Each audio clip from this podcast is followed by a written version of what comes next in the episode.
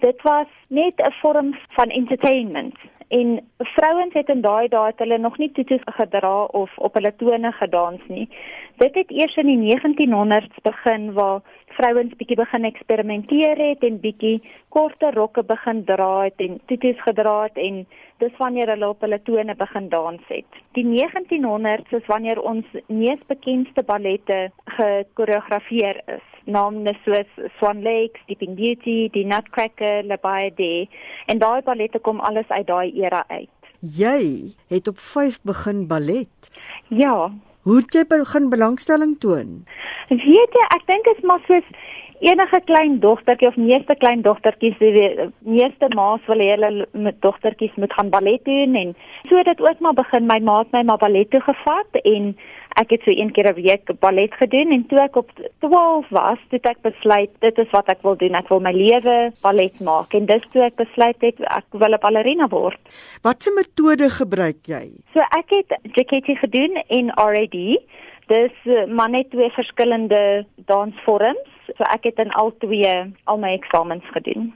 Watter rolle het jy gedans wat vir jou baie lekker was?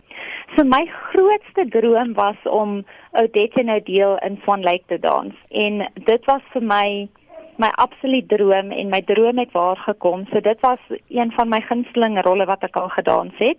Maar ek het al 'n paar ander hoofrolle ook gedans. Ek het Giselle gedans, ek het die hoofrol in Nutcracker gedans en Nakia in La Bayadere en Cinderella en nou op die oomblik is ons besig met Snow White. Nicole, mens kan amper nie ballet sonder musiek nie. Hoe belangrik is dit?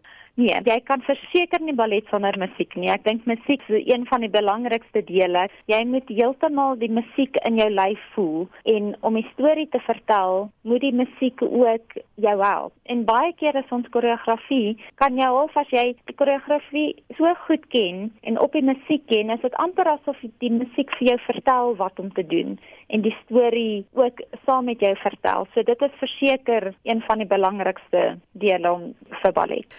Wat is die uitdagings in Suid-Afrika vir ballet? Ons grootste uitdaging vir ballet in hierdie land is ons kort sponsorships. Ek dink ons geselskap werk net met sponsorships en ek dink dis die grootste uitdaging is om genoeg sponsorships te kry om die kampanje aan die aan die lewe te hou.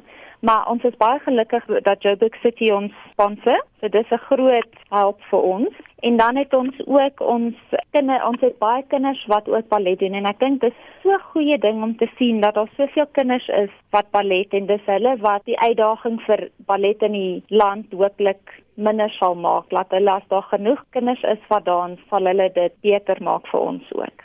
En vertel my van julle sneeuwwitjie produksie. Ja, ek is so opgewonde vir hierdie ballet. Dit gaan so 'n magical ballet wees. Ek dink as enigiemand wat kom kyk, gaan net daar kan sit en die ballet kyk en geniet. Die koreografie is ongelooflik mooi wat een McDonald gekoreografeer het en die musiek is pragtig en ons het soveel internasionale dansers op die oomblik. So ek dink hulle almal bring 'n bietjie hulle eie flavour van hulle land af. So ons het dansers van Brazil af en van Cuba af en Australië en Ierland. En hoe lank is hierdie produksie aan die gang by die Johannesburg Theater? Ons begin Vrydag die 13de Oktober en dan eindig ons Sondag die 22ste Oktober.